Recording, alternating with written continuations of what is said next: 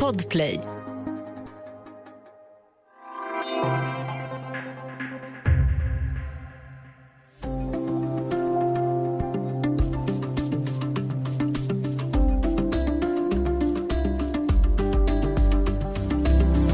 Karolinska Universitetssjukhuset har vårdat närmare 12 000 covidpatienter.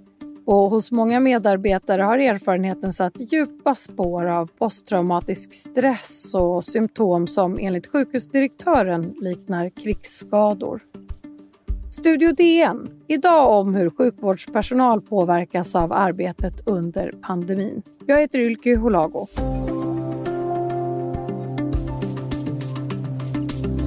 Och nu har jag med mig Anna Gustafsson, sjukvårdsreporter här på Dagens Nyheter. Hej Anna!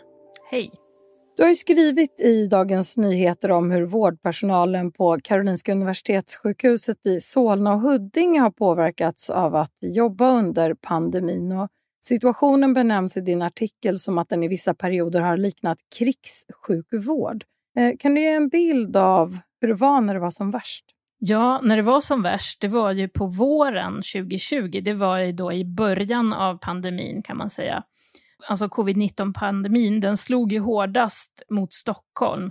Det var ju via Stockholm som smittan kom in då på sportlovet med resenärer som hade varit i Alperna, Italien och Österrike.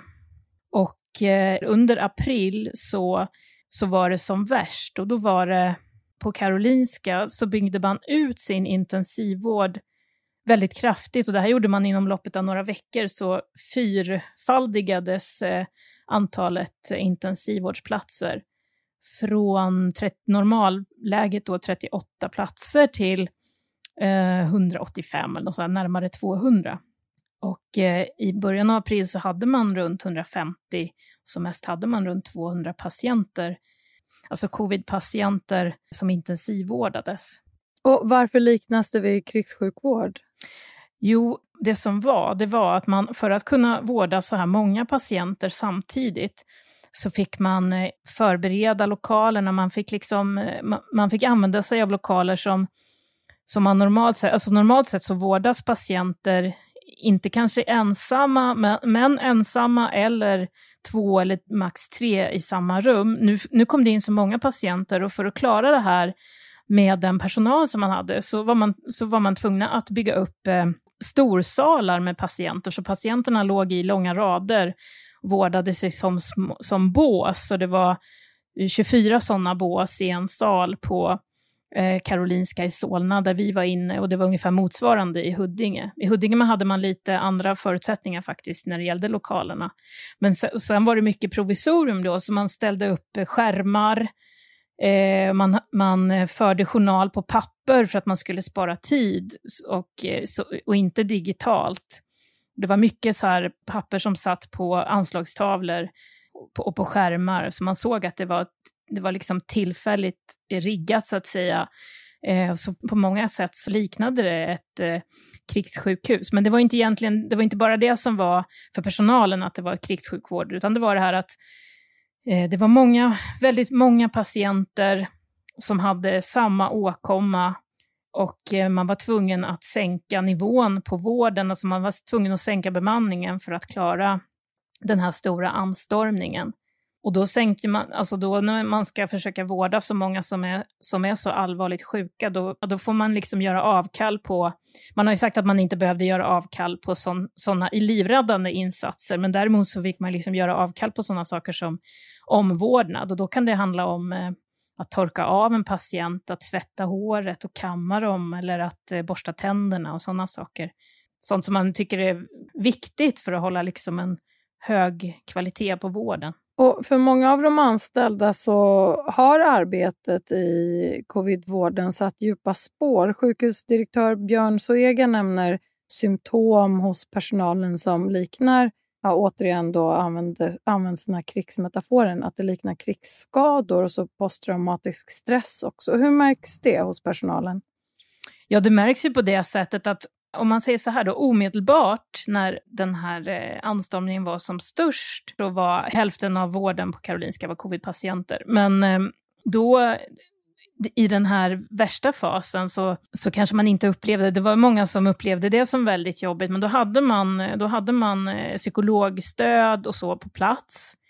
Det var ju såklart en situation som var väldigt stressande för många, men det som man har märkt nu det är att det är många som fortfarande då, efter två år och när ändå läget har lugnat ner sig avsevärt, som fortfarande har sömnsvårigheter, ångest, känner sorg och ledsenhet och sådana känsla av otillräcklighet och lite så här hopplöshet. Och det, här, det är det här som man beskriver som att man har liksom kvardröjande effekter av den här väldigt eh, dramatiska och traumatiska situationen. Du har också följt intensivvårdssjuksköterskan Lena Raftevold i arbetet under eh, pandemin och träffat henne flera gånger. Hon har ju tatuerat in en stridsberedd sjuksköterska på armen också som ett sätt att ge sig själv styrka.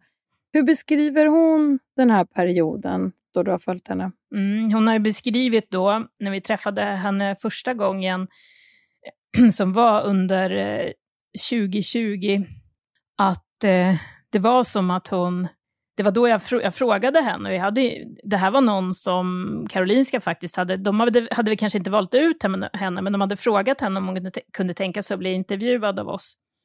Och då på slutet, när hon hade klätt av sig sin skyddsutrustning, så frågade jag lite hur hon mådde. Och då, då drog hon upp armen och så visade hon, hon sin tatuering det var som en tatuering som på något sätt skulle ge henne styrka, för hon sa att det är som att vi gör ut, jag utkämpar en strid tillsammans med annan intensivvårdspersonal i, i hela Sverige. Och det har varit helt det var fruktansvärt, men samtidigt var det något, fanns det någon slags stolthet i det här. Det beskrev hon, men hon har också beskrivit att hennes liv har satts på vänt, hur hon isolerade sig. För det som var i under ganska lång tid, det var ju att det fanns ju inget eh, vaccin heller. Så vårdpersonalen, flera som jag har träffat och intervjuat, säger att de just isolerade sig för att minimera smittan. Och hur de också isolerade sig, eller deras liv sattes ju på vänt eftersom på Karolinska och eh, även på Södersjukhuset i Stockholm så var intensivvårdspersonalen tvungen att arbeta 12,5 eh, timmars pass. Så det blev liksom inte så mycket tid över till återhämtning. Och, och Lena och andra har också beskrivit att det var, man, de hade liksom ingen annan tid, ingen fritid just. Men sen är det väl intressant att Karolinska har ju faktiskt, det var inte så att de har lämnat personalen åt sitt öde med, med det här, utan de har ju haft eh, psykologhjälp. De har haft psykologer och även eh, sjukhusdiakonerna eh, som har rört sig i, inne på sjukhuset och i fikarummen och så för att vara tillgängliga för, för personalen. Och hur ser stödet till personalen ut idag när läget är lite lugnare? Lena berättar att hon, hon har ju en, en krishanterare som är en personlig, som en personlig coach. Och den, det har hon, den kontakten har hon fått genom sjukhuset då. Hon har ju liksom kunnat ta till sig av den här hjälpen, men hon har också hon har också berättat att hon har, ganska, hon har väldigt starkt stöd av sin familj och hon har en, en väldigt nära relation till sin dotter. Så att hon har beskrivit när det var som värst så har hon liksom eh, gått in på toaletten på arbetspasset och ringt till sin dotter bara för att få höra något normalt från utsidan och få höra en röst som inte hade, hörde ihop med, den här, med det här liksom krigstillståndet som var inne på avdelningen. Och, och sen, då är det väl liksom det här att idag så, all, alla har inte lyckats, alla kan inte ta till sig den här hjälpen. Vi ska ta en kort paus och sen prata vidare om hur sjukvårdspersonal som arbetat med covidpatienter inom intensivvården påverkas av pandemin.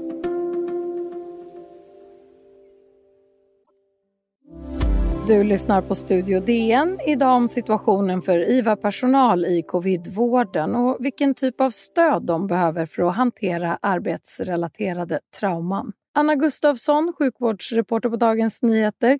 Du har skrivit i DN om vilken typ av stöd som just Karolinska Universitetssjukhuset erbjuder sin personal och sjukhuset har ju tagit emot närmare 12 000 covidpatienter sedan pandemin startade. Och du berättar i dina artiklar också om internationella studier som undersökt hur anställda i covidvården har påverkats av sitt arbete. Vad visar de studierna? Ja, men de visar ju bland annat, och det här, det här nämner ju också Björn Sveg, att det är 20 procent av personalen som har jobbat inom covidvård. Och det här är ju liksom en, en sammanställning då som sjukhuset har gjort, men att 20 procent av personalen behöver, behöver stöd efteråt. Och man har bland annat då studerat eh, sjukvårdspersonal i USA och i Italien som har jobbat nära covidpatienter. Och det man också har sett, det är att eh, intensivvårdspersonal, de, eller de som har jobbat närmast de ah, svårast sjuka patienterna, alltså de som har stått i frontlinjen, att de har en större benägenhet att utveckla posttraumatisk stress och ångest, sömnsvårigheter och sån här, ja, depression och så. Så att de har ett större behov av stöd än de som har jobbat med indirekta patientkontakter. En annan av de anställda på Karolinska som du har följt är undersköterskan Karina Palovara Jansson. Och hon har efter 30 år i yrket sagt upp sig. Vad var det som fick henne att lämna sitt jobb? Ja, Karina är väldigt passionerad kan man säga i sitt yrke. Hon var ju det när pandemin började. Hon var det även innan, för jag hade träffat henne innan också. För att hon hade reagerat på att, eh, det, att det var besparingar i sjukvården och hur det, att det faktiskt drabbade patienterna. Det, med patient, eh, det var patientsäkerhetsrisker kopplat till det som hon vittnade om. Så hon har beskrivit att alltså när, när, när pandemin kom så var hon, dels så var hon väldigt, hon hörde av sig då också då och var väldigt eh, nästan euforisk på ett sätt över det här som hände. Det var så omvälvande även för sjukvårdspersonalen, så hon ville att vi, eh, hon ville att, eh, hon ville att jag skulle komma dit, att jag skulle få komma in på covid-intensiven och se vad som hände där, för det var så, hon sa liksom det som vi är med om, det är helt, eh, det är helt historiskt, vi kommer aldrig få uppleva det här. Liksom. Så det var väldigt omvälvande, men det var samtidigt väldigt tungt. Hon jobbade inne på covid-intensiven i Solna och, och man hade ju dragit ner på bemanningen i förhållande till hur det brukar vara på intensivvården. Så hon beskriver att för henne har det alltid varit så viktigt att ge den här omvårdnaden. Det är liksom det som är undersköterskornas eh, roll också. Det är de som jobbar allra närmast patienterna. De, har faktiskt, de jobbar på ett sätt närmare patienterna än vad sjuksköterskorna gör. Och det är de som liksom ser till så att, att man tvättar en patient. Och att det, är liksom en, det har att göra med någon slags värdighet också tvättar och kammar dem och rakar dem och borstar tänderna och såna saker.